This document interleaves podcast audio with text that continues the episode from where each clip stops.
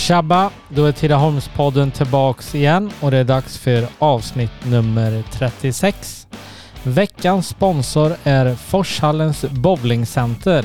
Nere i bowlinghallen hittar ni åtta bowlingbanor, två shuffleboard, pingis, airhockey, boxboll och basket. Utöver det är kylarna fyllda med öl, vin, cider och eh, läsk givetvis. På helgerna kommer det serveras buffé här framöver. Så känner ni er sugna så kom gärna ner till bowlinghallen så hjälper jag gärna er att boka in en trevlig partykväll framöver. Varmt välkomna till Forshallens bowlingcenter. Så, då var Tidaholmspodden tillbaka igen och dagens gäst är Tidaholmaren Erik Iselius. Han är 30 34 år sa han precis. Han blir 35 i december, så 34 än så länge. Välkommen till programmet Erik. Tack så mycket Tony. Kul att få vara här. Hur har sommaren varit? Det har väl varit bra. Eh, början på sommaren var väl lite turbulent om man ser så till jobbet med regeringskrisen och annat så. Sen eh, har det faktiskt varit ett antal veckor kunnat koppla bort ifrån politiken och kunna umgås med familjen. Varit lite på, på resande fot. Och sen eh, passade väl på att under senare delen av juli och augusti, början på augusti när det var dåligt väder att vara hemma bara, ta det lite lugnt. Så det har varit en, en skön sommar. Ja, har ni hållit er i Sverige förmodligen? Ja, absolut. Det är ju eh, eh, nog för att kanske det, som sagt regeringskrisen avstyrdes, men eh, att resa utomlands känns lite osäkert så att, och det hade vi inte heller planerat, utan vi har varit eh, vi var nere i, eh, hos min, eh, min chef, eller gruppledaren i riksdagsgruppen Anneli. Hon har en stuga i Sölvesborg, så där var vi eh, eh, ett par nätter. Sen åkte vi iväg till Varberg, till Gamla Köpstad, där eh, min son som spelar i IFK, de hade en eh, träningsläger. Och då var vi med där några dagar. Och sen har vi varit i Halmstad lite grann. Så det har varit lite, både den sydöstra delen och även lite västkust. Och sen eh, Liseberg hann vi med också. Fick Ja. vi tillgång där en, en dag. Så det var, jag tyckte barnen var jätteroligt. Då har du som pappa bockat av alla viktiga grejer i sommar i alla fall. Ja, eh, det finns väl dessvärre ett antal projekt hemma att göra också. Va? Men att, eh, nej det var eh, behövligt framförallt de här när vi kom hem efter den här långa roadtrippen. Vi var nog iväg nästan tio dagar med, vi var hemma mellanlanda ett par dagar och, och återhämtade oss. Att bara ta lite lugnt också, det är rätt skönt. Och nu har det dratt igång igen så att nu, nu är vi full fart i, i riksdagsarbetet. Om än att det mesta är på, hemma i valkretsen nu. Ja. Vi gör som vi brukar göra Erik i podden. Vi hoppar tillbaka till skoltiden och uppväxten och lite idrotter som ung. Men du är född och uppvuxen i Tidaholm eller? Ja, eh, född 86 som sagt. Eh, mor min kommer ifrån Västmanland, från eh, strax norr om Västerås. Så jag har lite blod av utböling. Ja. Eh, och, så där har jag också spenderat en del av somrarna, hälsat på mormor och morfar och, och kusiner och annat. Så. Men min far är ju från, från Tidaholm. Så att eh, född och uppvuxen i Tidaholm. Har, eh, vi är fem barn. Eh, så jag är näst äldst i skaran, har en storebror. Eh, sen har, som är eh, 36 i år och sen så har jag en syster som är 33 och sen så har jag brorsan som fyller 20, nu blir jag dålig här nu, så ser, han är född, ja, han, han fyllde 29 år Ja. och sen är syster, yngsta syster som bor i Lidköping, hon är ju då 26 blir hon nu i september. Så att fem, eh, fem barn är vi. ja. Hur var det att växa upp med så många syskon? Nej, men Eller har det- ni hängt ihop? Ja, jo, men jag får väl säga att på min fars sida, han har ju också flera syskon. Så eh, på något sätt familj och att, att umgås så nära, det, det har ju alltid funnits där. Eh, det är klart, många syskon, det är ju, det är ju mycket liv och verkstad så, men eh, på något sätt har väl det fört med sig. Jag menar, jag har ju fyra barn själv också, eh, så, så det är inget, jag har aldrig sett det som något konstigt Nej. eller anmärkningsvärt så, utan det, men, eh, nej, men det har varit en väldigt bra uppväxt tillsammans, alltså hemma i på Källstorpsvägen hos mina föräldrar. De bor kvar där. Ehm, och ja, skolgången jag gick ju här på, började faktiskt på, eh, nu sitter vi hemma hos dig nu, på det gamla hemtekniska, det som, som revs därefter va. Ja. Eh, och sen så har vi vandrat, vi var, en, vi var en ganska liten klass, vi var nog bara 16 elever, eh, men vi vandrade runt, var lite så experiment nästan, vi var på olika olika delar flyttades runt eh, i olika moduler och sen var vi ett år, kommer jag ihåg, var vi, jag tror var fjärde klass, gick vi på Samarialskolan. Eh, var, var bara våran klass, det var lite udda så. Men, eh, ja, men bra skolgång, eh, bra lärare. Eh, som många andra så var det väl typ, hade väl ett in, hyfsat intresse för skolan, men det kom nog framförallt jag tror någonstans, eh, ja, typ sjätte, sjunde klass där någonstans. Då släppte det. Innan det så var det lite halvt som halvt, men eh, därefter ökade intresset för, för skolan, för studier och så. Eh, inte för att man var någon plugghäst på det sättet, men ändå att nej, men jag tyckte det var kul, det var intressant, jag var nyfiken. Eh, och eh, jag hade väl inte direkta planer vad jag skulle göra efteråt, men att, eh, att läsa vidare var väl ganska inne på, så att jag bestämde väl hyfsat tidigt där, i alla fall ja, men 8 9 att, början på nian, att läsa vidare på något, något teoretiskt program. Så jag läste ju sen naturvetenskapligt, men det kom vi in på sen där. Ja. Så, ja men Idrotter var... då, Erik? Ja. Började du som ung med några sporter eller? Ja men det var det väl det klassiska tror jag. gick nog lite tag i någon simskola eller simning men det var nog en kort parentes. Fotboll eh, också men det var också, eh, jag höll inte på så jättelänge, jag kommer inte ihåg när jag slutade. Men det var, jag började ganska sent med ishockey, jag gick i femte klass. Och ja. många klasskamrater hade börjat betydligt tidigare och hade ju ingen skridskoovana. Eh, men eh, fanns nog en vilja där om ändå att satsa, eller testa ishockey och framförallt att bli målvakt. Det hade jag ganska tidigt att jag ville eh, bli, men jag tyckte det var, var häftigt eh, att, eh, för ishockeymålvakter. Och, eh, så jag kom ändå 17 på det och testade ishockey och fastnade därefter för, för hockeyn. Så hockeyn var väldigt viktig för mig under, om man tänker sig under högstadiet och, och även under gymnasiet. Senare sen började jag även eh, med boxning, men det kom under gymnasietiden sen då. Ja. Så ishockeyn har ändå varit både först som, som, eh, som eh, spelare då, eller som målvakt eh, och det sista sen så, så var jag även med på tränarsidan lite grann. Ja. Det var, var ja, väldigt lärorikt och ja, men något som jag bär med mig. Lite synd har jag väl att, att ingen av barnen har fått det intresset för, för ishockeyn. Jag har väl lite mig själv att skylla också som inte kan vara hemma på det sättet på, på vardagar och annat så. Men ja, man, man ska inte leva sitt liv genom sina barn heller utan de, har, de har, sina sporter. Ja. Men, eh, nej, men det var väl lite de idrotter och sen, det var väl inget, jag vet jag var engagerad lite i scouter och sånt där lite. Vi, vi, men det var aldrig något sånt där, något helhjärtat engagemang utan man, man var lite aktiv i olika delar. Ja. Eh, så. Eh, sjuan, åttan, nian då om vi studsar tillbaka till skolan där nu då. Vad, um, vad är det för ämnen som eh, Erik tycker är kul i skolan där då, den tiden? Ja, men det var som sagt någonstans där, jag tror i, kanske redan på sjätte, i sjätte klass, men, men ja, brytpunkten är sjätte, sjunde klass som, som intresset för skolan ökade. Och det var nog ganska övergripande, både alltså, att läsa eh, svenska samhällskunskap, eh, NO-ämnena var väl kanske jag mest brann för då. Eh, även matematiken hade väldigt bra lärare också. Kommer ihåg i, i matten och i NO hade ju Janne, Jan Enroth och sen som klassföreståndare hade vi Britt. Och en väldigt, ja, Britt fick ordning på en annan och på klassen så. Va? Så det lärarna mångt och mycket att tacka för, men även framförallt ifrån, från mitt hem också om att man uppmanar till men det är bra, satsa på skolan, få en bra utbildning. Eh, det är aldrig tungt att bära kunskaper. Eh, så att, eh, nej det var nog ganska genomgående så. Ja, hur går eh, tanken eh, när du ska välja där i årskurs 9 då till gymnasiet? Vad, vad har du för olika val i huvudet då som snurrar på gymnasievalet? Ja, jag minns ju, jo men det måste varit redan under högstadiet så fick jag någon form av, eh, jag satsade också på, på tyska i, i moderna språk och tyskan är ju någonting som har följt med mig. Även om den har blivit ringrostig på, på senare dagar så har jag ändå, och även nu i riksdagsuppdraget, haft en särskild uh, relation så till Tyskland. Um, och där fick jag väl någon form av idé om att flytta till Tyskland och plugga till läkare. Det kommer jag ihåg var någon tidig barndomsdröm. ja. eh, sen exakt vad, ja men tyskan var väl för sig och läkare var väl, ja det var i alla fall då något jag kände mig att det vore spännande.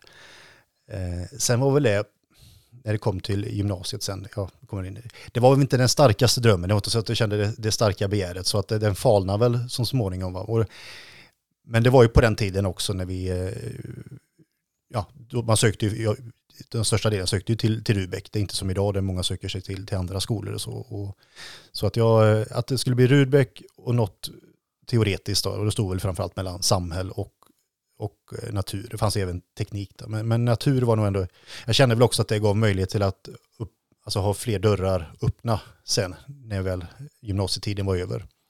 Men, men det, med det sagt, det är ju jätte, hur, hur man resonerade då när man gick i åtta, nian jämfört sen när man tog studenten. Det är, en, det är stor skillnad. Ja, och sett till mognad och, och annat. Eh, jag ser bara på min egen dotter, jag känner mig jättegammal, men hon började i nionde klass nu och, står inför att välja då gymnasie. De gör väl första valet nu efter, ja. efter årsskiftet. Så, va? Och det är klart, det är ett väldigt viktigt val. Eh, och det gäller ju att tänka till och så. Sen, nu ska jag inte bli politisk så, men det är klart om att samtidigt ska inte det valet förhindra en att göra nya val när man blir vuxen, så, utan kunna hela tiden se till om att gör man ett, ett felaktigt val, ett val man känner att äh, men, det här gäller inte längre, att man ska kunna få nya möjligheter. Eh, så att, eh, nej men det,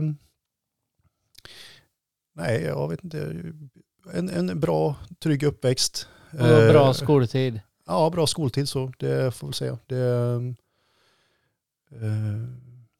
och som sagt, då, familjen har ju alltid varit sammansvetsad så. Inte på något sätt att vi, jag menar det har varit eh, ganska, ja, jag menar uppvuxen i ett, ett, klassiskt arbetarhem så det har väl inte varit resurser till, till mycket extravagant va. Men eh, bara det faktum både jag och min storebror var ishockeymålvakter och det är ju inte Nej, var inte helt, den billigaste sporten. Så, att, nej, nej. nej så det, det, var på något sätt aldrig ett hinder för dem att vara eh, att de önskemål vi hade vad det gäller med, med idrott och annat så att det skulle stå i vägen för. Va? Så att eh, jag är väldigt glad. Jag tror, och det har nog mycket gjort är intressant med den här typen av program, för det tvingar att reflektera lite grann. Ja. Men det är väl mycket sånt som den här upp, trygga uppväxten också som gör att man också är trygg i sig själv idag. Nu ja, det ja. är ju format vem ja, du är. Mångt och mycket med alltså grundvärderingar och så. Sen det är klart har det varit senare resa som har utvecklat en som, som människa.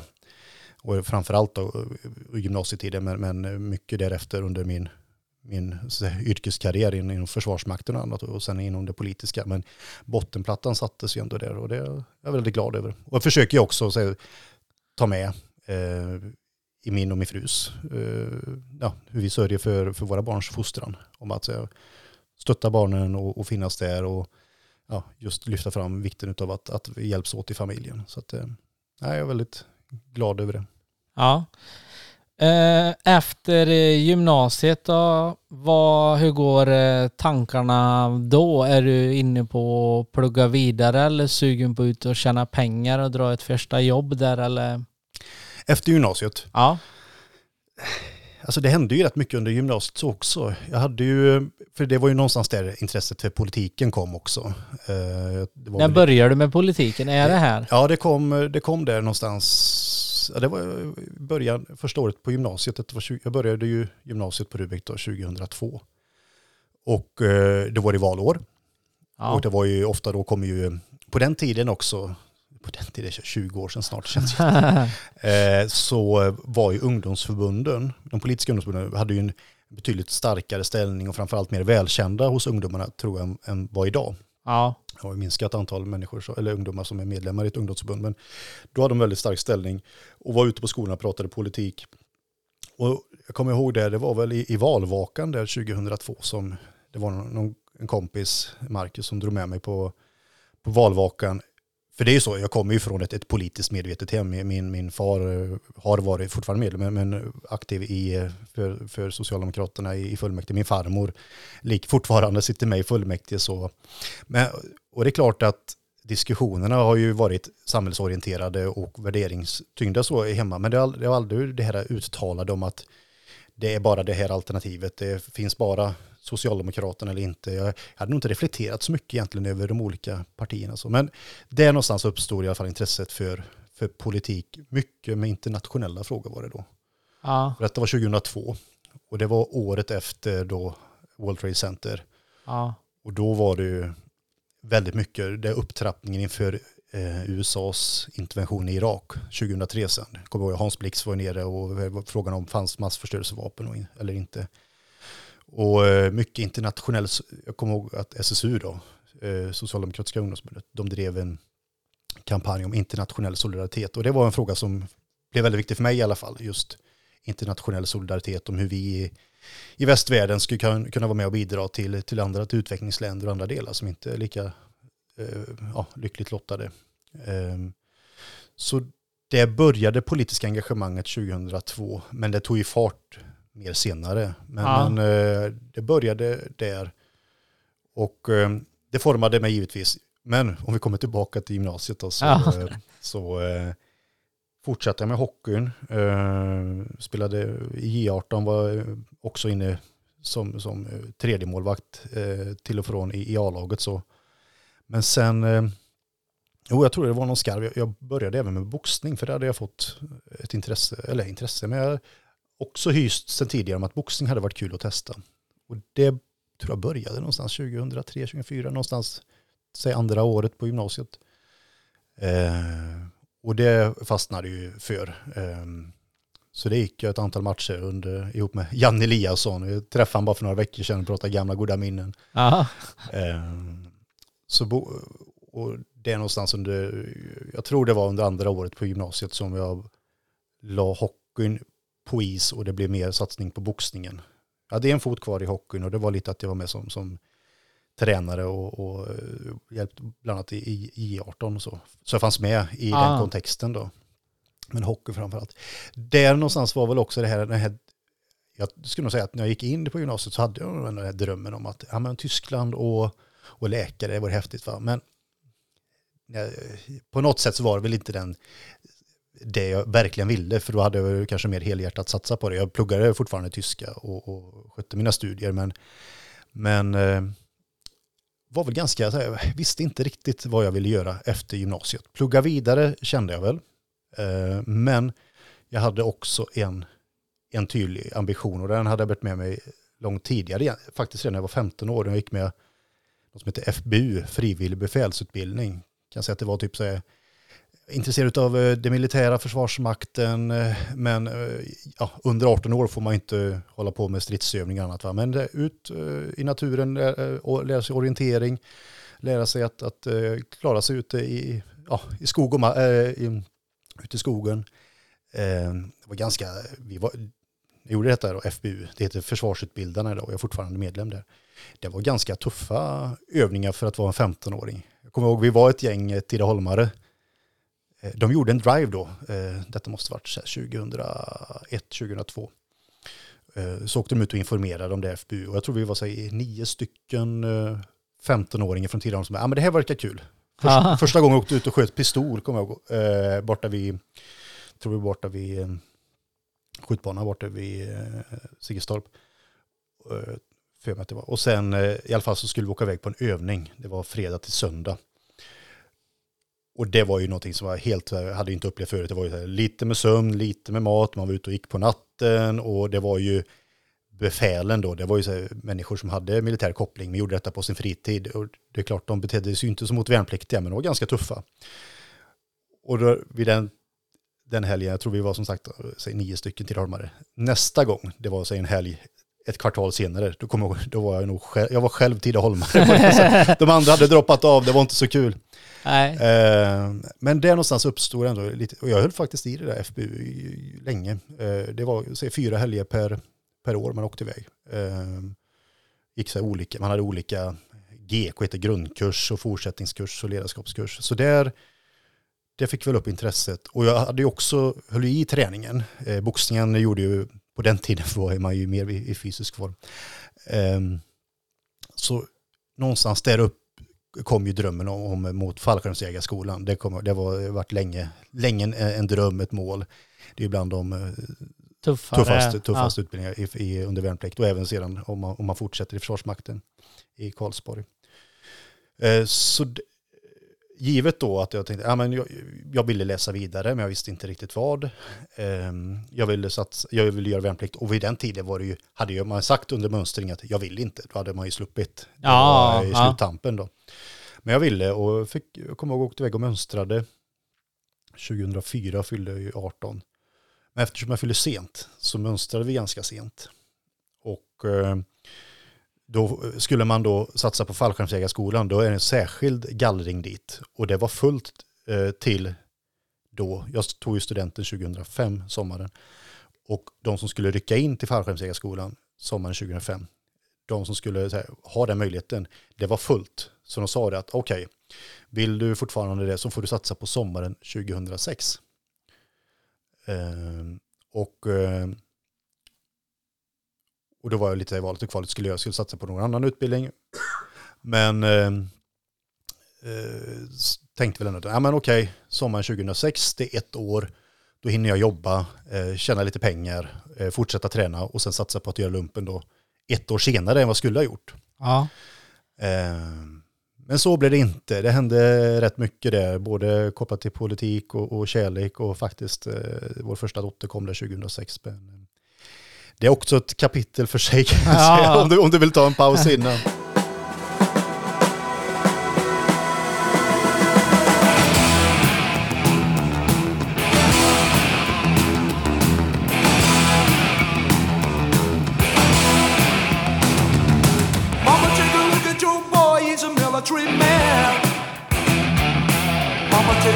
your boy, he's crying.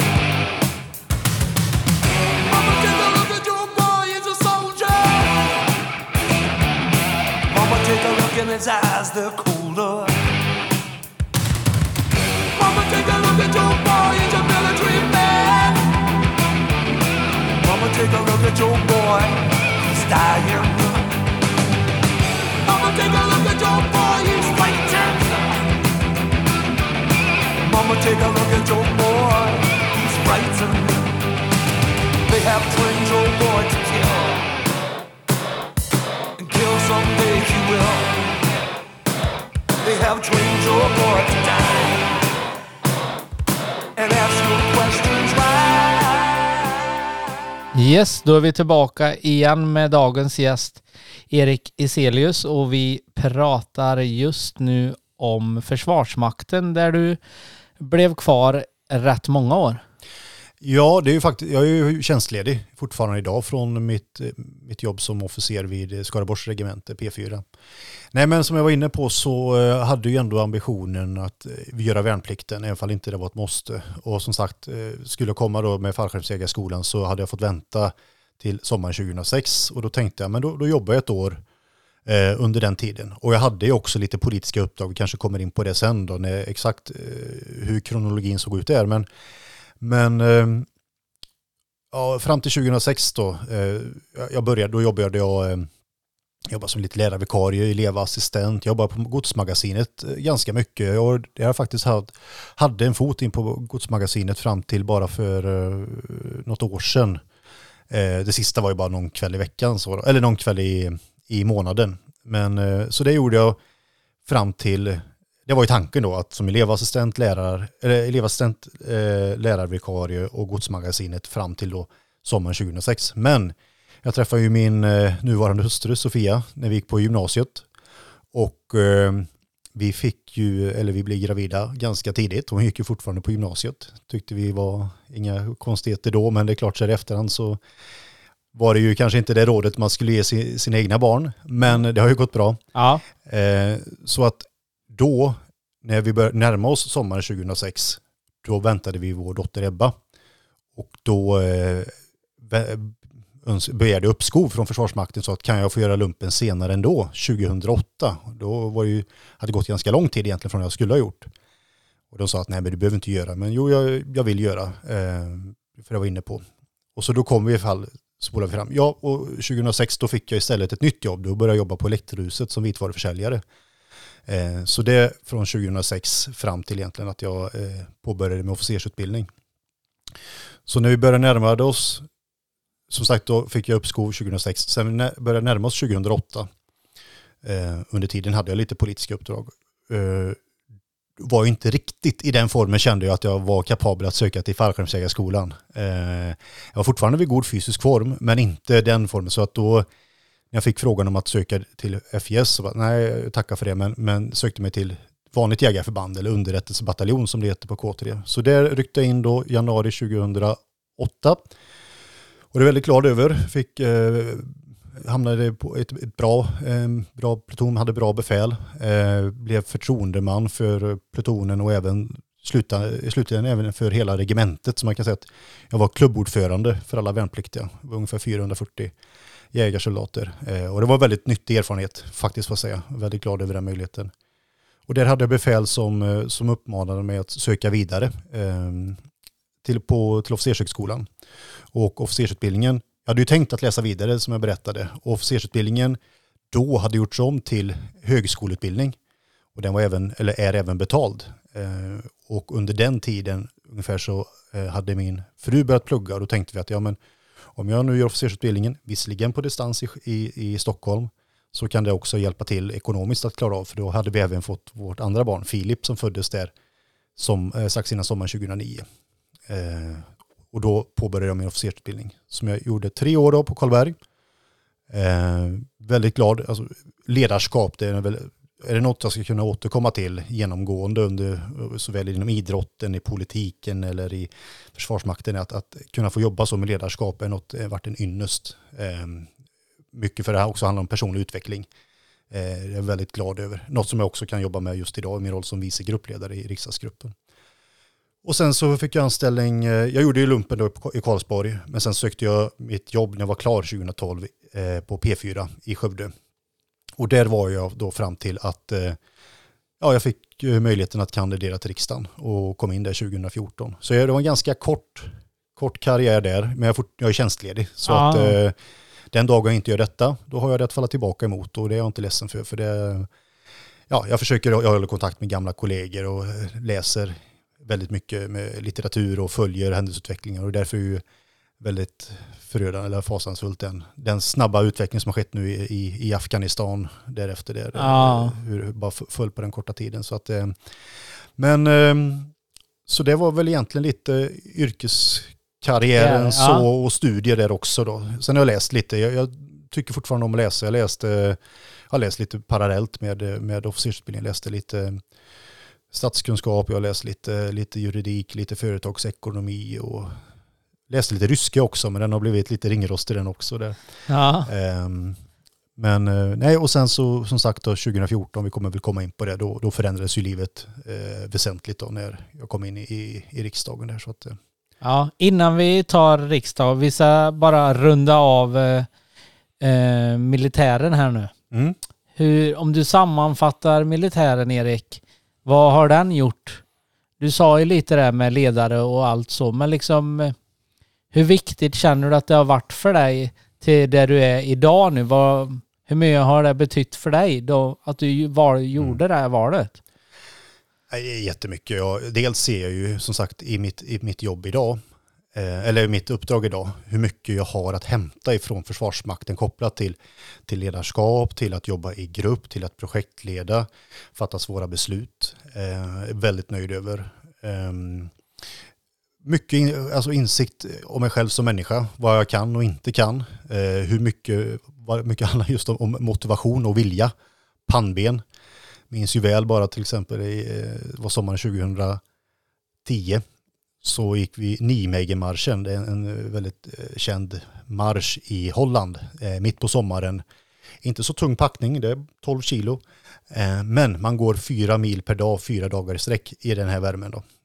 Och det krävs pannben kan jag säga. gick, det... gick alla hela vägen? Nej, det är många som bröt och, ja. och, och, särskilt med gassande sol. Men, men det gäller, då gäller det att tänka till, va? Att, att man inte... Många skrattade åt oss svenskar för det var det är en internationell marsch. För vi, vi höll på detta, vi tog våra marschpauser, upp med benen i högläge, se till att vårda sina fötter och då klarar du det. Och det hade väl mycket med mig från, från tiden på jägarförband också om att mycket uthållighet, pannben. Ehm, så det är väl någonting som jag, som jag har burit med mig. Eh, eh, mycket jobba med sig själv. Och någonting som var väldigt tidigt i Försvarsmakten, och det har väl också tackat för att jag hade väldigt bra befäl, för det kan vara väldigt olika, det var det här om att, att när man jobbar med konstruktiv feedback, att inte ta det som något, ett något kränkande eller att på något sätt slå ner mot dig själv som människa, utan ett beteende kan man ändra. Eh, det är inga konstigheter, utan säga Tony, det här gör du bra, Tony, det här kan du göra bättre på ett annat sätt. Att man inte tar det som förolämpande utan ser att det här är ett sätt för mig att kunna växa och bli bättre.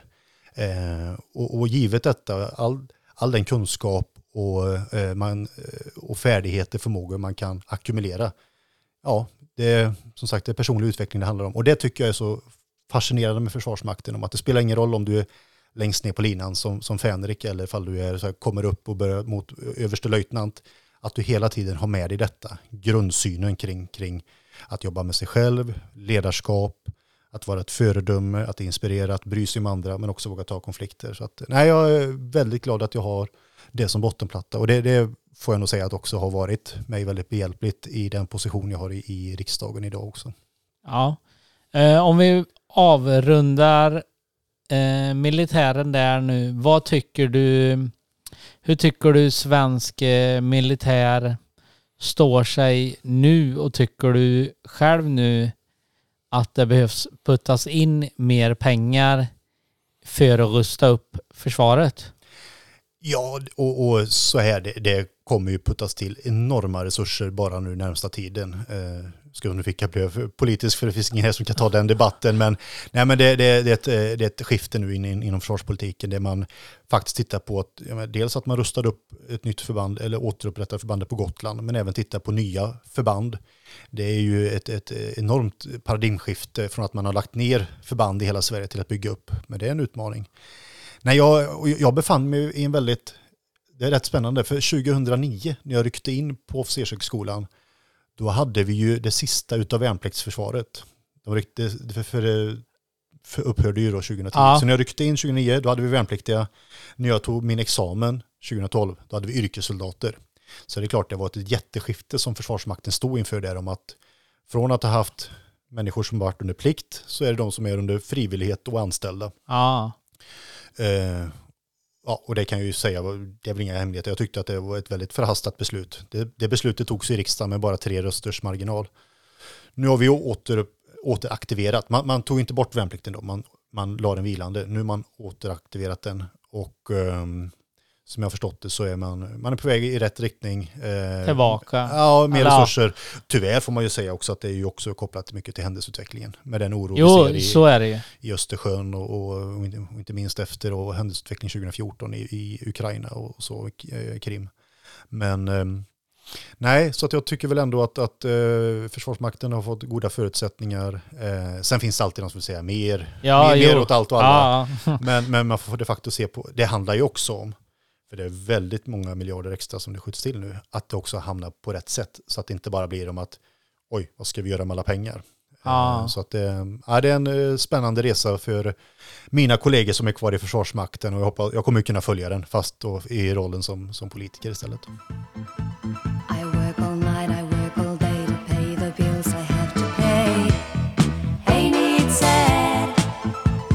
still there never seems to be a single left for me.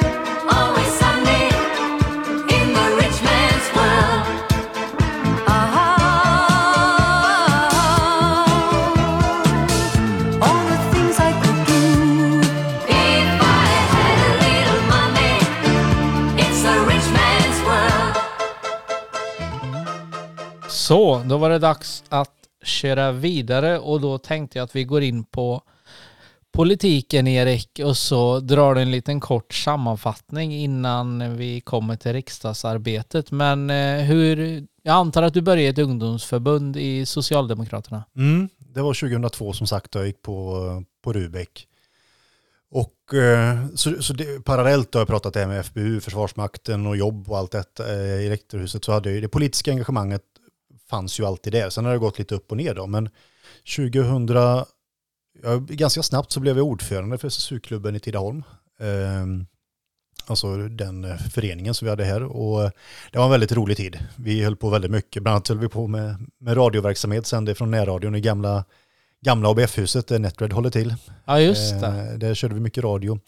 Mycket. Nej men det var roligt och för det, det, man, det roliga just, eller som säga, det som främjade sinnet där, det var att i ungdomsförbund var det väldigt mycket, det var fri, man kunde, vi satt i, i klubblokalen i Tidaholm, men vi kunde prata om interventionen i Irak, vi kunde prata om eh, läget i, eh, i utvecklingsländer, vi kunde prata om försvarspolitik, man kunde prata om, eh, om allt. Så, Att vi inte var så bundna som man lätt kan bli att som kommunpolitiker i Tidaholm, ja men då pratar vi särskilt om gator och vägar här eller vi pratar om skolorna här. Det är jätteviktigt, jag säger inte det. Men när man fick börja i ungdomsförbundet så var man lite mer fri att kunna tycka i många frågor. I mer grejer. Ja. man, man, man begränsade sig inte bara att prata om vad som är viktigt i Tidaholm. Va? Så det var, det, det var väl min start och sen så blev jag 2005 blev ordförande i, i distriktet då, alltså SSU Skaraborg. Och eh, så det, det får man väl säga att då från att jag tog studenten och allt detta och så, jag var ordförande i SSU-distriktet fram till att jag ryckte in i lumpen, så var ju utöver mitt jobb eh, på Elektrohuset när jag var lärarvikarie och allt detta, och så, så var ju politiken väldigt, SSU framförallt då, som tog väldigt mycket tid och engagemang. Och det lärde jag mig jättemycket. Mötesteknik eh, med det här att kunna debattera, att argumentera. Väldigt, eh, riktigt bra skola. Och egentligen för jag har flera kollegor som, som var aktiva i SSU men som inte fortsatte. Som sa att det där har varit så värdefullt för mig i mitt vuxna liv. Om det är så kopplat till att man är engagerad i en annan förening eller kopplat till arbetslivet som så. Det är väldigt mycket, mycket bra färdigheter man fick med därifrån. Men 2004 fyllde 18 de flesta ungdomarna då tog ju körkort. Eh, jag blev blodgivare och så eh, gick jag med i, som ersättare i tekniska nämnden och social och omvårdnadsnämnden. ja, det är ett CV utan dess like. Ja. Nödvarning. Nej men, eh, nej, men det var och det var, jätte, det var jättekul att få komma in så i politiken. Det var 18 år som sagt. Då. Sen dess har jag haft uppdrag. 2006-valet där, då kom jag in i fullmäktige i Tidaholm. Och där sitter jag ju fortfarande kvar, ordförande nu sedan 2014. Eh, satt med i kommunstyrelsen, gjorde också fram till 2014 och så kom jag också in som nämndeman 2006 fram till 2014. Så då var jag 20 år kom in som nämndeman och det var en väldigt eh, alltså, lärorik upplevelse. Eh, och, och, det var inte annat än att eh, det är klart att mina kamrater hemma hade förtroende för att man fast en ung, ung ålder kunde med gott omdöme sitta med i tingsrätten. Så, och det var ja, det är någonting som man har grubblat väldigt mycket över. Det, ehm, nu har vi inte den typen av allmän jurytjänstgöring som i andra länder, men eh, väldigt, väldigt lärofullt och framförallt stärkte mig också min politiska uppfattning kan jag säga om att eh, givet att individen står alltid då ansvarig för, för sina handlingar, men man också fick i många fall höra vilken bakgrund och vilka förutsättningar många av dem hade. Mm. Så det tar inte från en ansvaret, men, men eh, man kan också se lite i, i tangentens riktning vart, vart det händer barkade för många. Eh, men sen 2008, då slutade SSU och det var jag faktiskt väldigt glad över. Eh, för då tog jag en, eh, jag tog en liten paus. Det var väldigt intensivt med SSU. Det var rätt mycket intriger och sånt där eh, hittepå får man väl säga efterhand som typ var viktigt för oss som satt i de här rummen. Men för folk utifrån, utanför ungdomar var, typ, spelar ingen roll. Vi hit, ja, det var olika ah. falangstrider och annat så inom politiken. Så att, nej, men jag, då gjorde, jag höll kvar mina uppdrag i fullmäktige, kommunstyrelsen och eh, nämndeman under tiden som jag gjorde min militära, alltså att värnplikten och sen eh, eh, på Försvarshögskolan och officersutbildningen. Eh, men jag hade en del, jag, jag, kunde inte delta allt eftersom att jag ofta var iväg, men jag kunde delta på vissa. Men jag tog lite distans från politiken eh, och det var väldigt nyttigt. Det, eh, att, att, på något sätt inse vad, vad är det som är viktigt. Insåg då att de här äh, intrigerna som vi hade haft eller diskussioner, vissa frågor, så att vad är det som spelar roll i människors vardag? vi kunde bygga upp problem i ett sammanhang, men, men äh, där ute på gator och torg så var det något helt annat än vad människor pratade om. Så att jag tog distans från, äh, framförallt då från, från partipolitiken då under den tiden. Men jag följde det givetvis och jag var ju, som sagt, jag hade ju mina uppdrag fortfarande, men jag var inte, jag var ganska så, det var lågintensivt under tiden i Försvarsmakten, de första åren. Men sen så 2011 det var mitt i utbildningen och det var ju ett ganska turbulent år för vårt parti. Det var, jo, Håkan Juholt hade blivit vald och det var ju en kort period där och det var väldigt turbulent. Då kände jag ändå ett sug om att nej, men jag vill nog komma tillbaka. Alltså, jag kände ändå att nej, men jag var ju med för att jag vill någonting, jag brinner för någonting. Eh, kampen mot orättvisor, alla, alla människors lika värde. Eh, jag, hade, ja, men jag kände att jag hade mer att ge inom politiken kan låta, vad var jag då? Jag var 24-25 år. Ja. Men eh, var ändå tämligen rutinerad. Som, som hade Men det var ändå tur att du hade mer att ge då när du är i den åldern. ja.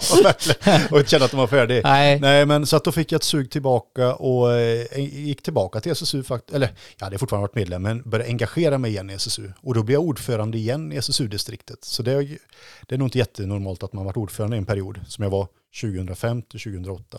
Och sen var jag där från 2012 till 2014 tills jag kom in i riksdagen. Och det var väl lite det också som gav mig mycket i tillfälligheter. Att engagera mig var ju för att jag kände att jag hade mer att ge. Jag, jag, jag saknade politiken och i det sammanhanget. Och det någonstans var väl eh, kompisar runt omkring mig i SSU som sa det att eh, du, eh, vi har val nu 2014 och vi behöver en ungdomskandidat och vi vill att det är du. Och det var, Är det för hela distriktet du pratar nu? Ja, Eller- alltså jag var ordförande för SSU Skaraborg då. Ja, precis, och, det, ja. och det motsvarar ju av våran valkrets då som sagt, eller Västra Götalands läns östra valkrets, men vi säger ju Skaraborg då. Alla 15 kommuner, från Gullspång till Vara, Essunga, Grästorp och Tidaholm, Falköping. Så. Ja. Ehm, och eh, jag tänkte väl säga, men att få för, jag hade ju inte tänkt på det, jag hade ju, jag, ju, detta var ju som sagt precis när jag var, jag var färdig med min officersutbildning, jag hade påbörjat mitt jobb som officer, att eh, ja, men var kandidat 2014, jag har ju precis hunnit börja jobba, men har de förtroende för mig och vill driva eller så, så är ja, då jättetacksam och ställer upp. Jag kände väl kanske då att, att eh, sannolikheten att komma in inte skulle vara så jättestor. För vi hade, eh, det slutade ju med att jag blev på femte plats på, på vår valsedel. Och vi hade fyra mandat. Och att vi skulle ta ytterligare ett mandat till fem var väl inte, det skulle väldigt mycket till. så. Men bara att få förtroendet att vara på femte plats kände jag, med, och kunna vara ungdomskandidat var jag väldigt stolt över. Så att jag tackade ja till att vara kandidat. Hamnade på eh, plats nummer fem. Eh, och det fanns väl liten förhoppning där ändå, är det klart, för att Urban Alin, som var vårt första namn, han var ju tillika utrikes talesperson. Eh, utrikes talesperson, eh, utrikes talesperson. Och eh, om det skulle bli ett regeringsskifte efter regeringen Reinfeldt så fanns väl en förhoppning att Urban kanske kan få någon, någon form av position kanske i regeringen eller någonting. Och är man riksdagsledamot och sen blir minister, då kan du inte sitta kvar i riksdagen, utan då kommer det in en ersättare för dig. Ja, just det. Eh, Ja. Så då var ett, ett här, okej, vi har fyra platser. Skulle Urban till exempel ha kommit in, då hade jag kommit in då, även om jag var på plats nummer fem, då hade jag kommit in som hans statsrådsersättare. Den eh, fanns en liten förhoppning, ett önskemål kanske om det, men, men eh, ja, sannolikheten kanske inte var, Margot Wallström kom ju in där också under vårkanten 2014 och Urban hade utrikes, utrikesfrågorna, sen kom Margot eh, som var väldigt, ja men det är hennes portfölj så, så det kändes som att, ja men det kanske inte är så ja, eh, sannolikt kanske då att, att eh, om det var frågan om utrikesminister så var det kanske mer Mar- Margot som Ah, det sedermera ah. blev Det blev ja. än Urban. Men eh, sen kom, ja, eh, om vi ska gå in på riksdagsarbetet senare så, så kom vi ju det till att det blev så sen i alla fall då att, eh, att eh, möjligheten uppstod. Och den, den tid, plats minns jag särskilt väl fortfarande när jag fick reda på att jag skulle komma in i riksdagen. Och det, Hur, hur, hur gick det till? Får du ett telefonsamtal? Jag antar att de inte skickar sms eller mail om det liksom. Eller ve- vem är det som ringer Sni- upp? Snigelpost. Nej, nej men precis. Nej, vad, eh, nej men så här är det då. Alltså, efter valet 14 så eh, de rödgröna blev större än alliansen och det var tydligt om att eh, Löfven skulle få eh, bilda regering.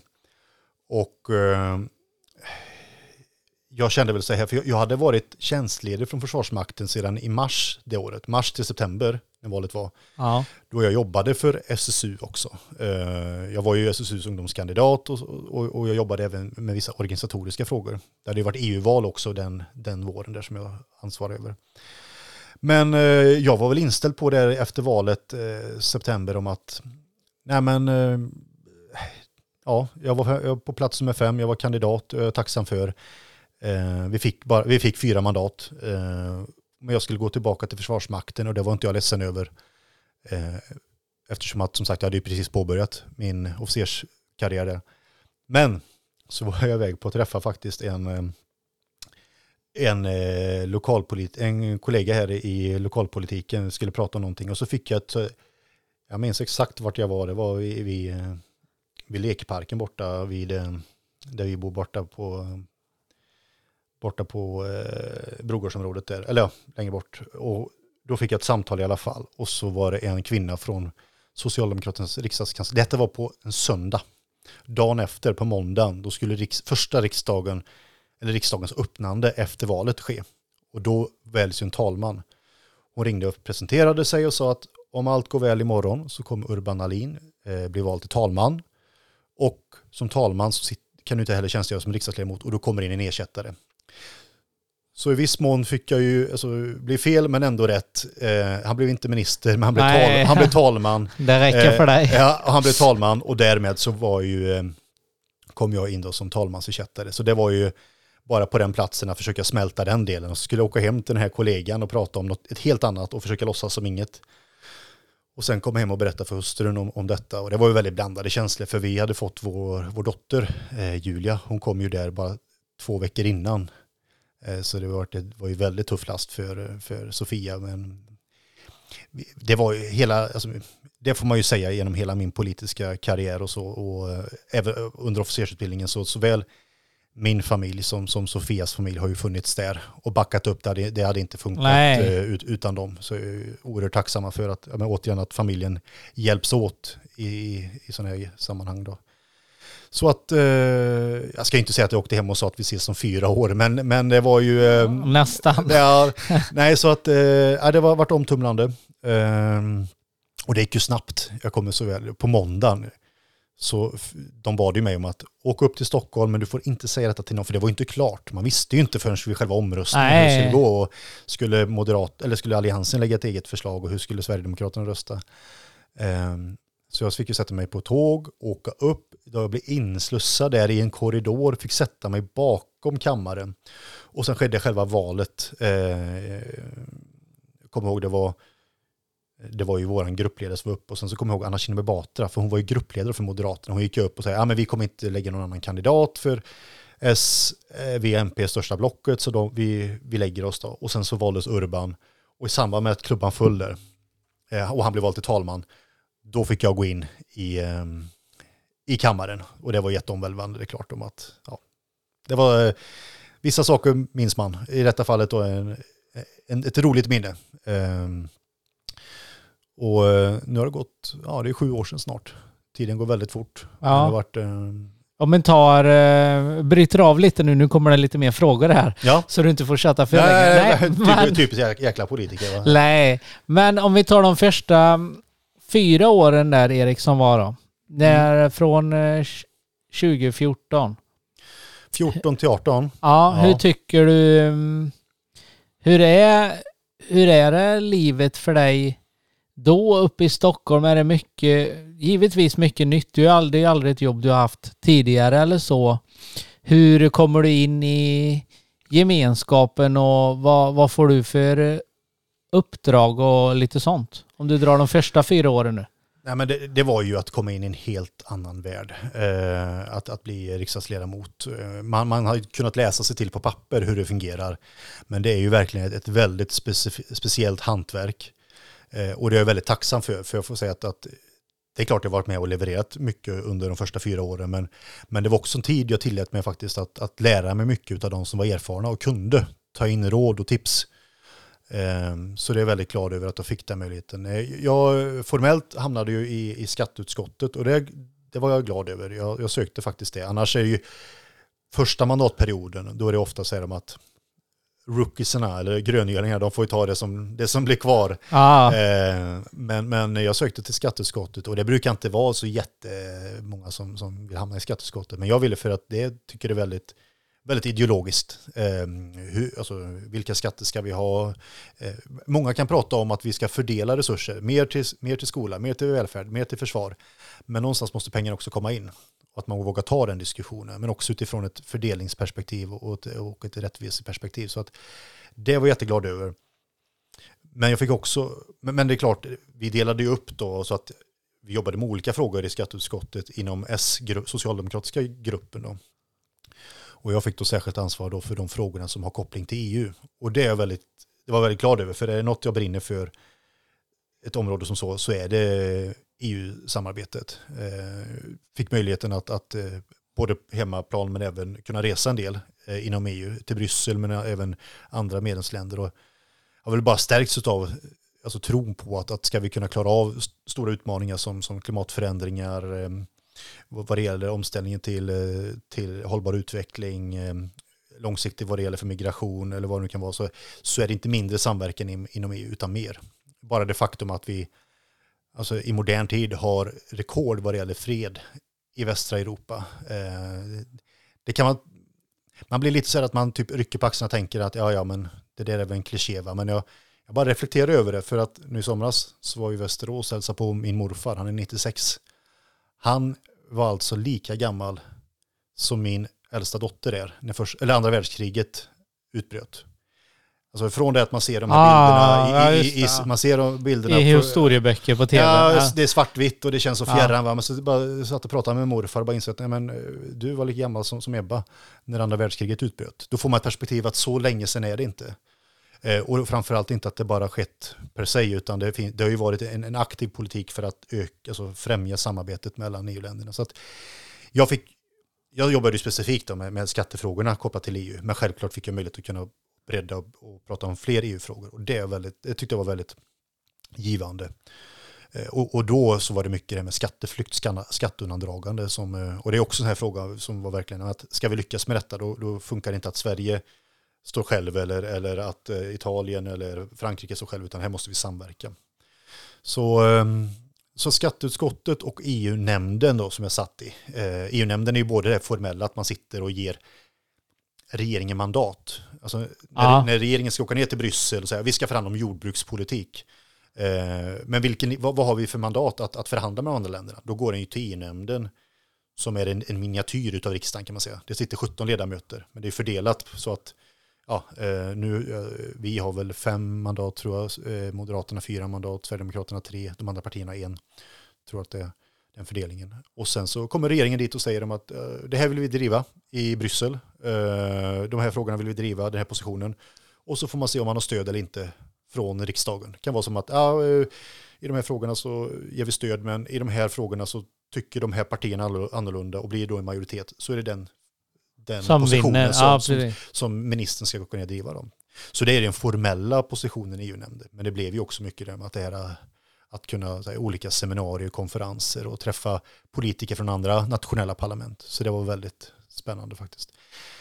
Så det var väl, eh, men, sen också, eh, det är, väldigt tvådelat riksdagsuppdraget. Det ena är ju det formella lagstiftningsarbetet och det som sker i Stockholm. Och det är ofta, sker ofta då på, från tisdag till torsdag. Så att man, när jag satt i EU-nämnden så var det också fredag i Stockholm då.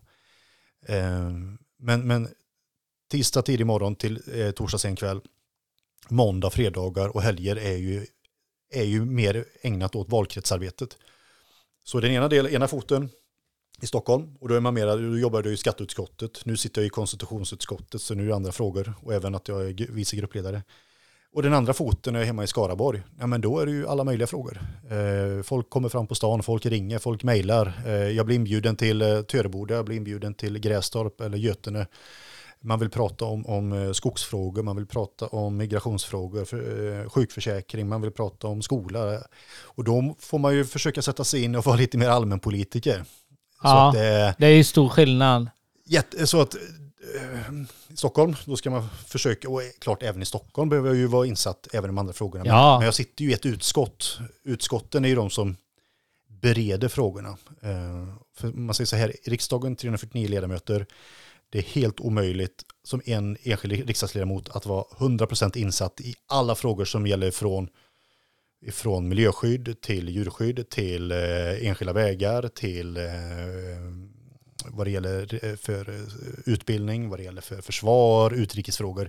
Det går inte. Så att, så att, beredningen går ju till i olika utskott. Ja. Eh, vi har ju finansutskott, trafikutskott och miljö och jordbruksutskott och så vidare. Ehm, men som sagt, då sitter man i ett utskott och framförallt då ska man ju vara expert på de frågorna. Men på hemmaplan då så uppvaktar folk en utifrån om att i alla de frågor som är angelägna Och det tycker jag är jättespännande för det tvingar en hela tiden om att söka kunskap och information, rådfråga kollegor som jobbar med de frågorna. Eh, kan höra av mig till någon kollega. Du, nu är, har eh, Kalle eller Lisa, de har hört av sig i de här frågorna. Vad gäller eh, kopplat till det här och det här? Och så får man sätta sig in. Så att om man ska ta en vecka lite som så då, Ja, så, så är ju, som sagt då, tisdag till torsdag, då är det ju framförallt då riksdagsarbetet i Stockholm. Måndag och fredag eh, och helger, eller måndag fredag framförallt, brukar vara mycket valkrets. Jag kan åka på arbetsplatsbesök, bli inbjuden till ett företag, eller det kan vara, jag kan bli inbjuden av en fackorganisation, jag kan vara inbjuden av en skola att komma och prata.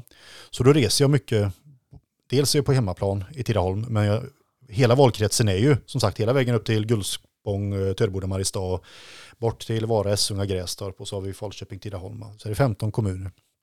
Så då reser man ju runt. Eh, det man blir inbjuden eller att man bjuder in sig själv. Sen har jag en fot kvar i kommunpolitiken fortfarande. Eh, sitter i fullmäktige som ordförande. Och det, det är ju, och det går att hantera för det är ju inte fullmäktige en gång i månaden. Så att, eh, det har varit en sak om det hade varit ett, ett eh, heltidsarbete med kommunpolitiken, då hade det inte gått att förena. Men att eh, ha den kopplingen med en fot i kommunpolitiken och få höra vilka, och ta del av de frågor som är viktiga där, är så nödvändigt för att bära med sig upp till den nationella nivån, Ja. kopplingen däremellan.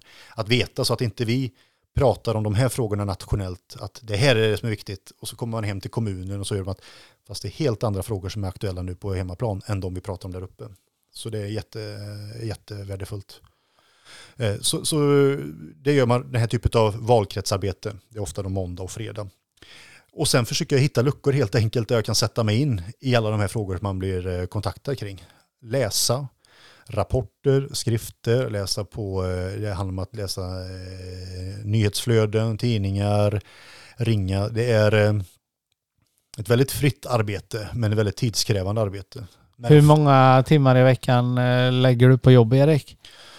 Om man säger så här, under pandemin så har det blivit väldigt mycket omständigt digitalt. Ja, Eh, och det är fortfarande tidskrävande, men du minskar ju restiden på det sättet. Det är ju faktiskt tacksamt. Men jag, jag längtar efter att kunna gå tillbaka till, till det eh, rent det fysiska. Va? För att det är, man får, vi får en helt annan interaktion när vi sitter så här. Än om vi ja. hade kört på Zoom du och jag. Jag hade sett dig på en bild där och jag sitter där. Ehm, men säg innan pandemin slog till eh, och sett till, till både valkretsarbete, allt det som egentligen var kopplat till politik och även det som jag gör i partiarbete. För när jag gör ideella eh, åtaganden för partiet så är det ju en del av att jag är riksdagsledamot. Jag förväntas vara med och hålla utbildningar, vara ute och kampanja eller ja, allmänt bara ta ansvar för partiarbetet. För utan partiet så har jag ingenting alltså, att luta. Vi, är inte större än, vårt, än det partiet vi representerar. De medlemmar vi har. Eh, men då snittar ungefär på 60 timmar i veckan. Eh, När du är på plats pratar vi nu. I vanliga fall så. Ja, är det inklusive eller exklusive restid? Nej, jag skulle säga att det är med, med restid också. Ja, Ehm, Men, men sett till att det är klart att om du slår ut det så är det blir långa vardagar och ofta är det alltid någon, en eller ett par åtaganden per helg. Ehm, Så det är klart att det, det, är, det är en uppoffring som man gör utav um, ens privatliv och den delen. Va? Men um, så länge jag har stöd ifrån från min, eh, från min familj, ytterst min hustru och känner att ja, men det, här, det här ger någonting. Jag tror på det, vi tror alla på det. Ehm, Så känner jag att eh, jag vill fortsätta. Eh, Men inte annat än att den dagen man känner att man att inte är värt det eller man orkar eller inte har förtroendet längre. Nej men som sagt tillbaka till, då har jag mitt jobb i Försvarsmakten. Behöver nog komma lite mer fysisk form bara. Jag har, försökt, jag har faktiskt försökt det nu efter sommaren här nu så att det är lite på väg men att eh, nej så att eh, jag är jätteglad för och det ska jag ju säga då att eh, när jag var där 2014 och fick frågan om att vara kandidat så var man ju verkligen så, eftersom jag precis påbörjat min yrkeskarriär i Försvarsmakten, att eh, ska jag göra eller inte? Va? Men så insåg jag att det här är ju en fantastisk möjlighet och det här tåget går inte många gånger. nej. Eh, och jag tackade ja och det, det, jag ångrar inte en, en dag att jag tackade ja till det. Det är jättekul. Men det är som sagt också väldigt krävande. Um, tyvärr får man väl också säga att, att det som gör att det negativa i vågskålen det är väl också den här tonaliteten som har blivit i debatten. Man kan ty vi kan tycka olika frågor du och jag Tony, men, men när det börjar gå över till de här rena personangrepp och, och hetsk, alltså, när vuxna människor beter sig och uttrycker sig i, i skrift och ord på ett sätt som, som man inte aldrig skulle rekommendera eller här, lära sina barn. Det är, eh, jag tycker en oroväckande utveckling. Vi ser, jag, jag själv upplever ju ganska ofta eh, hat och, och eh, emellanåt hot också. Eh, och men, i mindre skala, men framförallt hat. Eh, det är ju inte att fler vill engagera sig.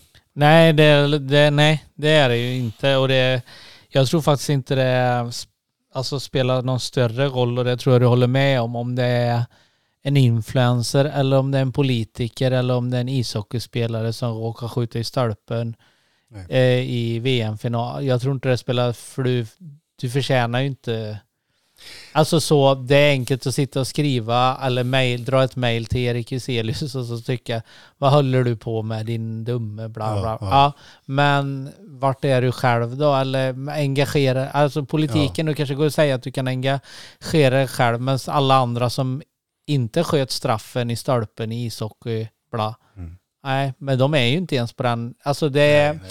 Det, det är stor skillnad. Men så, jag, ja. jag, tänker så här bara, jag ska dra lite snabba frågor med det här nu. Mm. Har ni, mm, uppe i riksdagen, har ni egen kock och stor matsal? Ni käkar ihop allihopa? Nej, det, det, finns en restaurang som är outsourcad och det får man ju gå och köpa lunch som, eh, jag tror den tar 110 kronor per lunch där. Eh, Äter du på plats eller kör du matlåda? Ibland, eller ut? Alltså här, I och med att tiden är så pass komprimerad, från att vi börjar till sent, ofta brukar dagarna hålla på till 8-9 på kvällen, så blir ofta att lunchen blir ju kombinerat med ett möte. Så att okej, okay, när ska jag klämma in det här mötet som jag behöver ha? Ja, vi tar ett lunchmöte. Är det inte så, utan jag har kontorstid, alltså när jag faktiskt kan läsa och så här, då brukar jag köpa med mig något, något enkelt. Det finns en kafeteria, köpa med mig någon eh, typ turkisk yoghurt eller annat som jag äter på rummet, slänger i mig. Um, är det bra mat då? Uppe i restaurangen? Ja, nej men det är som vilket... Eh, Husmans? Husman, ja. Så det är vilket som då. Ja.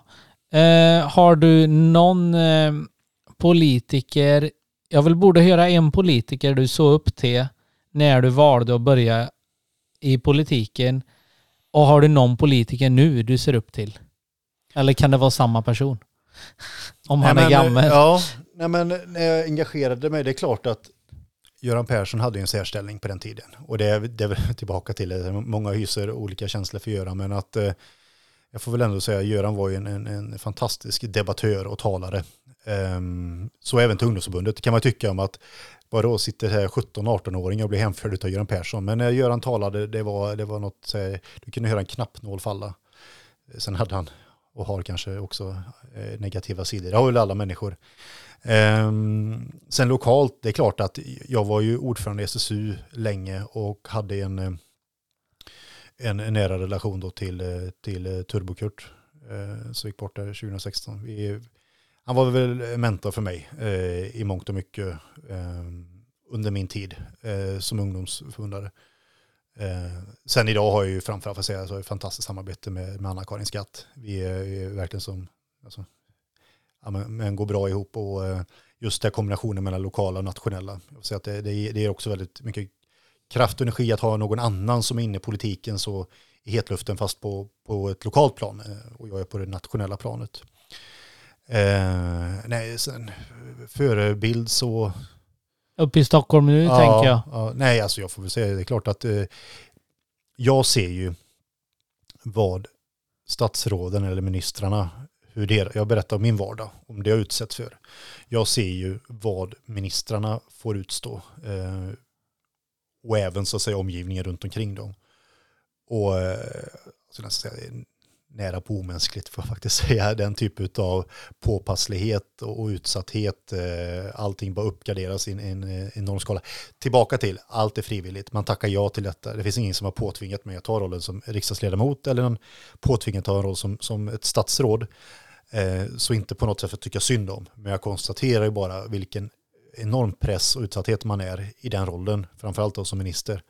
Så att, eh, jag har ett enormt, hyser ett enormt förtroende. Så jag är imponerad över mina kollegor som är, som är ministrar för det arbete de gör. Det, och sen framförallt givetvis, om vi pratar efter 2018, med, i alla fall vi kommer in på det, Ah. ja, så är det ju att jag har fått möjlighet att samar- eller jobba med eh, vår gruppledare Anneli Karlsson eh, från, som är från Skåne. Det är ju eh, helt fantastiskt det, med hennes ledarskap och kunna få jobba ihop med henne. i- Att leda den socialdemokratiska riksdagsgruppen, det, det, är- ja, det är verkligen en ynnest för att se. Det, Har ni AV någon gång där uppe?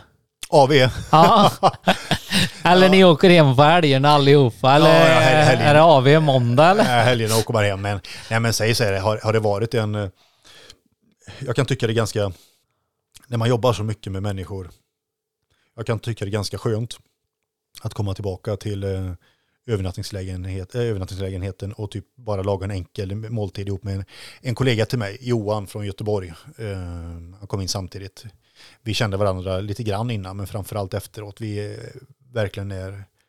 Ja, men vi är verkligen tajta så. Vi, vi, och vi kan prata om annat. annat än Ja, jobb. en jobb ja. Ja, och det är så jäkla värdefullt. Ehm, bara laga ihop något enkelt och sen. Men det är klart, emellanåt så tar man ju, går ihop med några kollegor för det finns ju, jag menar när det är ett sten, stenkast ifrån riksdagen finns ju mängder av ställen man kan ta.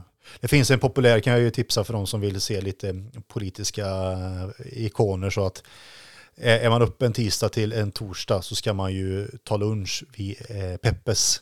Det ligger precis, ehm, om du tänker dig, eh, alltså mitt emot Högsta domstolen, eh, Hjärtas staty, eh, Riddarhuset och allt Ja, detta. Ja. ja. Eh, tänker dig, du har ju slott Mynttorget så går man bara till vänster där. Där ligger Peppes och det, det brukar vara tillhåll för, eh, för politiker som käkar lunch.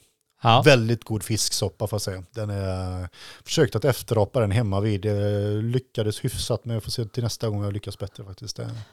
Ja, eh, om man tar politiken eh, upp i riksdagsarbetet där då. Hur eh, media drar ju en vinkling för mig och resterande poddlyssnare vad vi kan se på tv. Vad ni gör och inte gör där uppe. Och hur klimatet är mellan olika partier och hej och hå. Tycker du som är på plats där uppe att att eh, media speglar en bra bild av, eh, av riksdagen?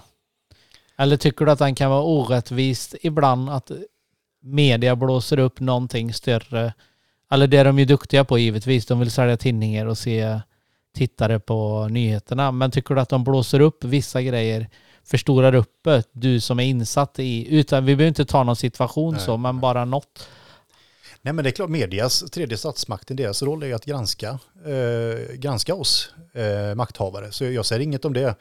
Eh, sen finns det ju olika typer av media. Det vet, det finns ju mer Ja. etablerad media som mera har så här, noggrann koll redaktionellt på vad man publicerar och inte publicerar. Och idag med nätet så finns det ju betydligt mera, fler alternativa källor som kanske mindre har som, som så här, incitament att eh, fundera på, är detta så objektivt eller har man så här, en, i vems agenda agerar man? Eh, och det finns och alla olika intressen och, och så här, partier eller så här, olika eh, politiska kulörer så. Men, eh, nej, men media skildrar det från sitt sätt. Jag upplever ju det inifrån och jag kan tycka att eh, jag tycker det är bra att media är, är tuffa, hårda, granskande. Sen tyvärr har det väl varit en del, jag säger inte så här, det var ju en ganska omfattande granskning av riksdagsledamöter och det var ju en handfull som åkte dit på att de hade fuskat med kvitton och annat. Eh, några som, ett par eh, som inte hade deltagit i, eh, som inte hade varit på plats i riksdagen helt enkelt va. Lyft arvode och inte lyft ett finger.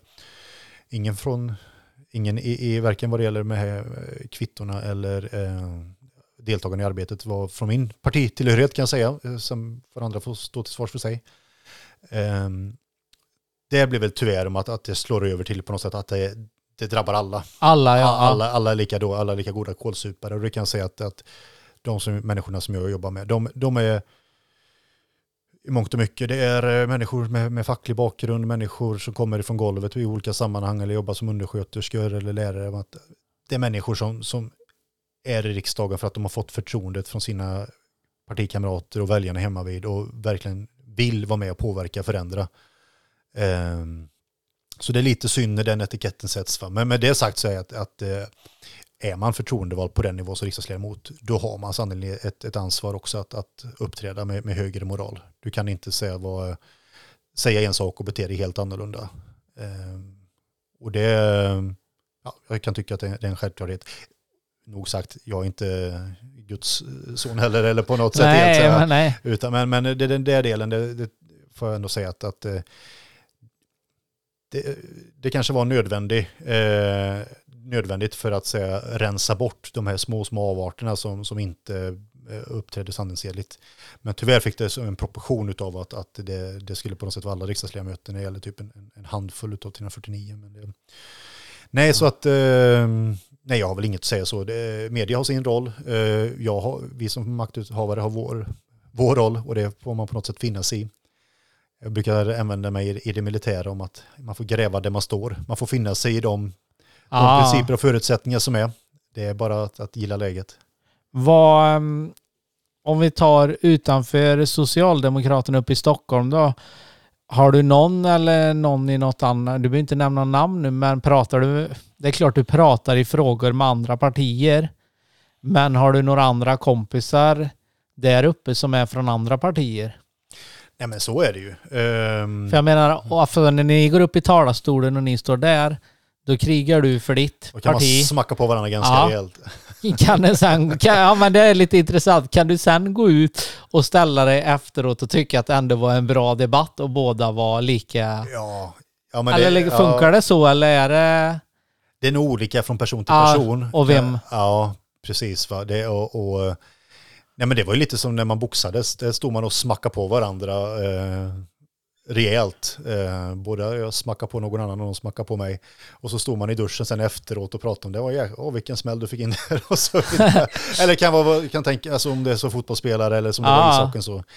Nej, och lite samma är det ju i, eh, i eh, för, för det är ju i huvudsak väldigt goda människor. Som, som, det, är, det är inte för inte som de här personerna blir representerade från, för sina partier och sina valkretsar, utan att det är människor som har god karaktär och ett gott omdöme. Och, nej, men en person som jag umgås, har umgåtts en del med så är ju framförallt då för att vi har haft gemensamma uppgifter, det är ju Moderaternas vice gruppledare, eh, Jessica, eh, från, från eh, Upplands län. Eh, och eh, vi kommer väldigt bra överens. Och vi var iväg bland annat när, när FNs generalförsamling hade sitt öppnande 2019. Då åkte vi iväg en liten delegation. Ehm, och sen har vi, vi suttit med i olika utredningar och kommittéer och annat så. va. Och vi kan, ja men, kommer bra överens. Tycker olika i sak, men Ja, respekterar varandra. men det är det som är Ja. gött att höra att det Ja. är... Ja. Ja, nej, så att det, men det gäller inte alla. Eh, Nej, det så- tror inte jag heller. Nej, men- nej, och det, och det finns i mitt parti och andra partier där på något sätt där, där den inre övertygelsen är så pass, alltså det, den överskuggar allt annat så att bara för att man tillhör ett annat parti så kan man inte ens, eh, knappt hälsa på varandra. Och det, nej, Hälsar du på alla? Ja, Där uppe? det, ja. det är ju till Och- vett och etikett. ja, jag tycker det också. Ja, nej men det, Det är ju det du lär dina barn, tänker Ja, jag. ja, ja. Nej, nej. Sen att jag inte, jag må, det må skilja sig av, eh, alltså, väsentligt i, i syn på många frågor med, med andra partier. Eh, men just att hälsa, det, ja, det, det hör till. Lite som en Tidaholmare, va? Man, man hälsar på alla. Ja, Så, va? Vad, ehm, en fråga till där uppe. ehm, om eh, du ska bjuda hem, nu är det bara en hittepåfråga här, men det var någon som hade skickat in den faktiskt. Om Erik Iselius bjuder hem alla partiledare till sig, vad skulle han bjuda på för trerättersmiddag då? Är, är du duktig på matlagning? Ja, jag får nog säga, det får du fråga min hustru framför allt då, men, men jag sörjer ju för, för matlagning hemma. Det kan jag ju säga att när hon gillar inte att laga mat och det är olika. Vi, vi, vi är väldigt så, uppdelat hemma vid vem, vem som gör vad. eh, uppdelat eh, och matlagningen får man säga att jag står till för till 98 procent i alla fall. Eh, vad skulle bjuda på? Oj. Ibland så här, man är, är ju från, Tidaholm och jag gör, jag gör aldrig någonting form av att, för att jag ska göra en trerätter så att det skulle vara extravagant. Nej. Utan, utan eh, jag är den jag är och jag menar när jag har haft eh, bjudningar hemma så emellanåt eller middagar. Jag har ju kunnat gjort så att jag köpt en sån här eh, ett färdig pizzakit Ja. och så bara på med lite allt möjligt va? och det har varit jätteuppskattat att det inte behöver vara något extravagant. Eh, en annan rätt som, som en, en kollega Peter eh, introducerade mig till, det var hans egen version av Forsmack. Eh, Forsmack var ju eh, fältmarskalk Mannerheims favorit. Då. Men han gjorde den på, på, mm, på isterband som han skalade, eh, alltså tog bort skinnet, eh, gulök och på ansjovis ihop med spat. Så att jag skulle kunna tänka mig kanske att jag skulle, jag skulle kunna börja med alltså förrätt vi skippar dessert, jag är inte så mycket för dessert faktiskt. Nej. Det kanske, även om du kan tro när man ser mig så är det framförallt att jag föredrar, föredrar förrätt och varmrätt. Ja. Men jag skulle kunna tänka mig kanske att eh, slicea upp lite pizzabitar på pizzakit. Eh, och sen så skulle jag gjort en rejäl fårsmack. Eh, och till det då lite, lite bröd och ost och så kanske en, en liten, jag menar, en, en god pilsner till det och en liten nubbe. Då tror jag att man skulle kunna bryta isen och få en bra stämning. Det tror jag. Ja. Vad ehm, den kändaste personen du har träffat politiskt sett? En svensk person och en utländsk. Vem är den svenska mest kända? Är det Löfven? Ja, jag, jag, jag, befinner mig i ett sammanhang, eh, dels utifrån att jag tillhör ett parti som sitter i regeringsställning, att jag i alla fall någon gång i månaden i olika sammanhang kommer i kontakt med, med statsministern. Så är det ju. Och han, var, veckovis andra minister, eh, ministrar så. Och särskilt då i rollen som vice gruppledare. Eh, om Anneli då, eh, gruppledaren inte är på plats, så är det jag som får gå in i hennes ställe och leda mötena. Så att det är ett, ett antal möten där jag har fått leda, leda vårt gruppmöte så att säga när Stefan är på plats. Eh, och var den som fördelar ordet och säger nu varsågod till statsministern att få tala. Eh, och sen är det så traditionellt att eh, när riksdagen öppnar så bjuder ju kungen in till, eh, till en bankett, alla riksdagsledamöter. Så eh, där har man ju varit och tagit konungen och drottningen och dem i hand också. Eh, och ehm, så det är väl nationellt, internationellt. Det var i FNs generalförsamling, alltså, du hade ju mycket av de här kända figurerna där, men, men kanske inte så att man Träffa? gick fram Nej. och duade dem. men bara- Nej, men det var Angela Merk. Det var alla höjdare. Ja, precis. Och eh, så här var det ju. Eh, Det öppnades ju med att, eh, ja, ja precis. Det öppnades ju med att, eh, att FNs generalsekreterare Guterres öppnar och sen så är det ju Brasilien, Bolsonaro och sen var det ju Trump då från, från USA. Vi fick inte plats där för det var bara sex stycken personer som hade plats vid svenska bordet. Ehm, vi var ju det som, som en representation från riksdagen, jag och Jessica Rosvall från Moderaternas vice gruppledare, men vi fick inte plats utan det var ju Olof Skog som var ambassadör, det var ju Margot Wallström och det var på den tiden, och var det väl Margot fortfarande va? Och sen var det ju Stefan Löfven och annat så. Men det hade ju varit en, en, en, en dyster stämning då i, i generalförsamlingen för de pratade bara om protektionism och mindre av internationellt samarbete. Eh, Sen när vi kom in, då kom jag, det var senare som vi fick komma in och sätta oss i den här stora församlingen, tänker i eh, eh, FN-loggan och Ah, generalförsamlingen ah. träffas. Då var det då var det Pakistans premiärminister, måste det varit, eller ja, kan, eh, måste varit premiärminister, som hyvlade Indien jäms med fotknölarna, det kommer jag så väl ihåg, för det blev en väldigt dålig stämning också. Men det var inte att jag träffade specifikt, eh, vart, eh, var ju över i valet, amerikanska valet 2016, var på ett sammanhang där Barack Obama befann sig också, men det var inte så att jag var framme och talade med honom. Eh, Nej. Har ni smeknamn? eh, Du sa här nu att du håller i mötena när inte Anneli är på plats. mm. Eh, är det alltid statsministern, nu är det din tur att prata, eller är det Nej. Stefan eller? Det brukar vara Stef Stefan, eh, finansministern är ju Magda, känd för. Ja. Morgan är ju Morgan, vissa kallar för Mogge. Eh, Damberg, Mikael Damberg, Micke. Så att, eh, Har du smeknamn?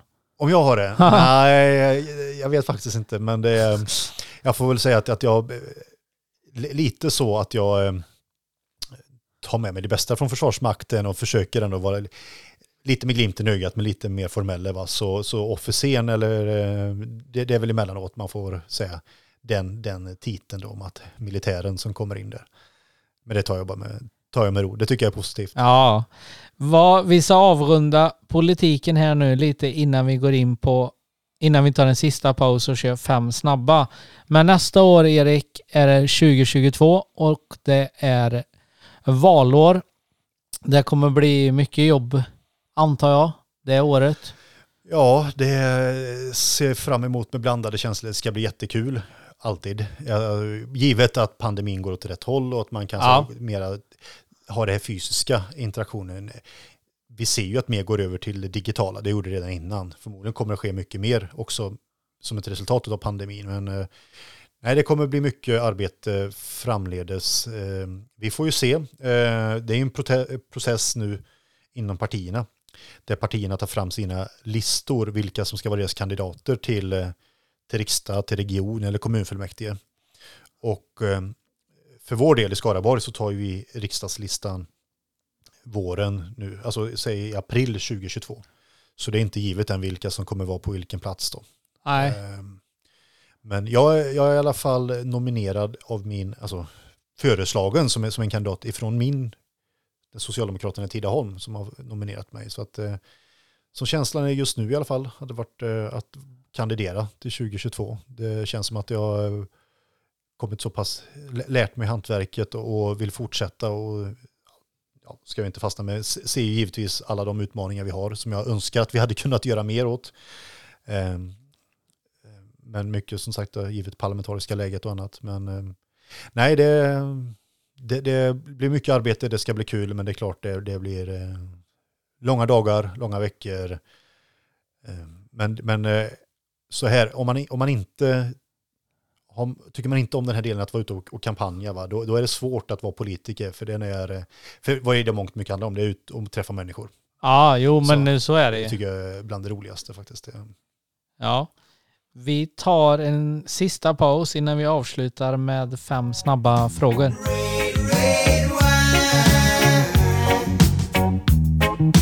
It's up to you.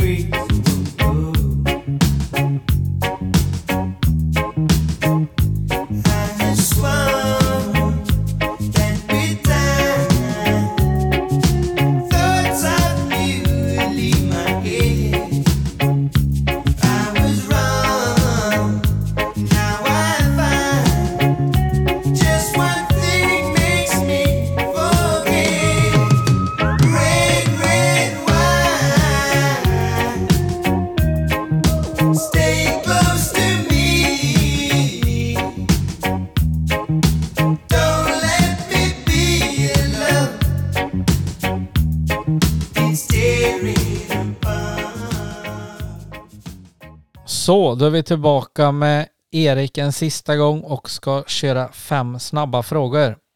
Är du beredd? Jag tror det som politiker kan man ju varken svara ja eller nej va? Nej, nej, det här kommer att bli från, parla, från parlamentet. Någon fråga kanske är lätt i alla fall då. Men eh, vi drömmer oss bort på fråga ett i alla fall då. Du blir statsminister i fyra år eller du sitter som minister i regeringen i fyra år. Alltså att välja. Ja. Ja, tillbaka till det jag ser bland eh, mina kollegor som är det så, så ska jag säga att det är nog inget jag önskar överhuvudtaget utan nöjd. Men, men eh, jag får nog säga att det, det, det är vilket som. Självklart eh, att sk- skulle frågan komma om att man pekar ut sig, vi vill att du leder, då, då gör man det. Är det någon annan ledare som säger att jag vill ha med dig i min regering, då får man tacka ja till det. Ja. Så att du får ett politikersvar att det, Ah, Men om, okej, vi, gör så- vi drar vidare, spinner lite till på den frågan. Om du får välja en ministerpost du skulle vilja ha då? oj. Om du får välja vilken som helst. Nej men jag eh, skulle nog säga att, att och inte bara, inte för min yrkesbakgrund som så, ehm, för jag, det är inte utifrån att jag är officer, men jag, jag brinner så enormt mycket för, för försvarspolitik så att antingen, och sett till de, de eh, ja, att fortsätta på, egentligen på den kursen, vi ant- försvarsminister eller EU-minister skulle jag vilja säga, också kopplat till då just det här eh, starka intresset, brinnande intresset för EU-frågor. Så att, eh, Ja, men det fick vi i alla fall ett svar. ja, två, två alternativ. Två, två alternativ. Pizza eller hamburgare? Pizza, Favoritpizza? Sverige. Vad är det på en Sverige för de som eh, inte bor i Tidaholm och lyssnar på podden nu då? Nej, det är lite tråkigt då, för visst, då skippar man ju champinjonerna och löken. Jag har inga bekymmer med det, men att... Eh, nej, men en, en, en, eh, en renodlad Sverige från, från Eddis, det är väl det ofta så det brukar se ut på eh, fredagskvällarna. Men det ska jag försöka ta lite lugnt med nu närmast om jag ska komma i uniformen på sikt, vem vet. Ja. Fotboll eller hockey? Hockey. Går du på någon sport uppe i Stockholm om du är off jobb, kommer ifrån tidigare, skulle du kunna gå på en allsvensk fotboll eller gå och se på eh, SHL i hockey eller?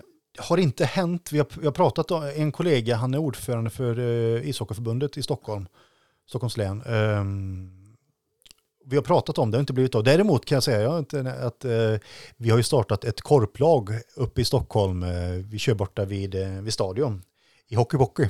Oj. ett, ett, ett sosselag. Ja. Eh, och det är faktiskt jäkligt kul. Eh, kör vi på eh, torsdag morgnar, typ matchstart 06.10. Eh, rätt skönt Ja, sätt det att är en komma bra igång. start på dagen Ja, bara, fast det är usch, eftersvettas sen när man tar på sig skjortan och, och det, kavajen. Då. Men det, jag vet, var på något möte jag var tvungen att gå ut och typ så där, eller springa iväg och hämta en ny tröja för att bara svettades. Men det var, nej men eh, jag hoppas kunna gå. Det är helt kul med sport. Ja, det är det. Eh, höga löner för chefer eller höga löner för vårdpersonal. Och du får bara välja en. Vad är du inne med höga löner för chefer, höga löner? Så här, jag tycker att man ska ha skäligt betalt för arbete man utför. Däremot så tycker jag sett till att eh, de som verkligen sett framförallt under pandemin som får slita längst ut på linan så definitivt höga löner för, eh, för, vård, Personal. för vårdpersonal. Ja. Eller höjda löner kanske hade varit mer... Ja, ja, höjda. För, ja. för, för, kan också tycka, kan också tycka att, att eh, någon som har ett, ett stort ansvar i en organisation, att, att det är skäligt att en person har en, en högre lön. Det har så inga- Absolut. inga konstigheter Nej. Men, eh, men sett till framförallt eh, så handlar det väl om att löneutveckling måste ske framförallt för de som är med lägre inkomst. Och det befinner sig i mångt och mycket Kommunals medlemmar eller vårdpersonal. Så att, Ja. Sista frågan då. Blått eller rött? rött. Jag tror Friberg ska få samma fråga framöver. Men han ska få rött eller rosa tänkte jag. Nej, jag skojar bara. Vad, det har varit skitkul att du ställde upp i podden Erik och så hoppas jag på ett fortsatt lyckat eh, arbete uppe i Stockholm och att eh, du håller dig frisk och har det gött med familjen och allt när du är hemma i Tidaholm. Tusen tack Tony. Kul att få vara här och skulle det ske framöver, kanske med heta till nästa år och annat i närmaste sig val så finns jag givetvis till förfogande att komma igen. Men stort tack att jag fick vara med. Det var allt för denna veckan och veckans sponsor är Forshallens bowlingcenter. Det kommer nog inte vara sol så länge till och regn och rusk väntar. Vad passar bättre då än en trevlig kväll med bowling eller shuffleboard, utmana släkt, jobbarkompisar eller andra vänner. I bowlinghallen finns eh, öl och vinrättigheter. Vi har också buffé som serveras på helgerna. Allt ifrån tacos till de populära ribsen. Kom gärna ner till bowlinghallen och ta ett snack med mig så hjälper jag gärna er att boka in en trevlig partykväll framöver. Varmt välkomna till Forshallens bowlingcenter.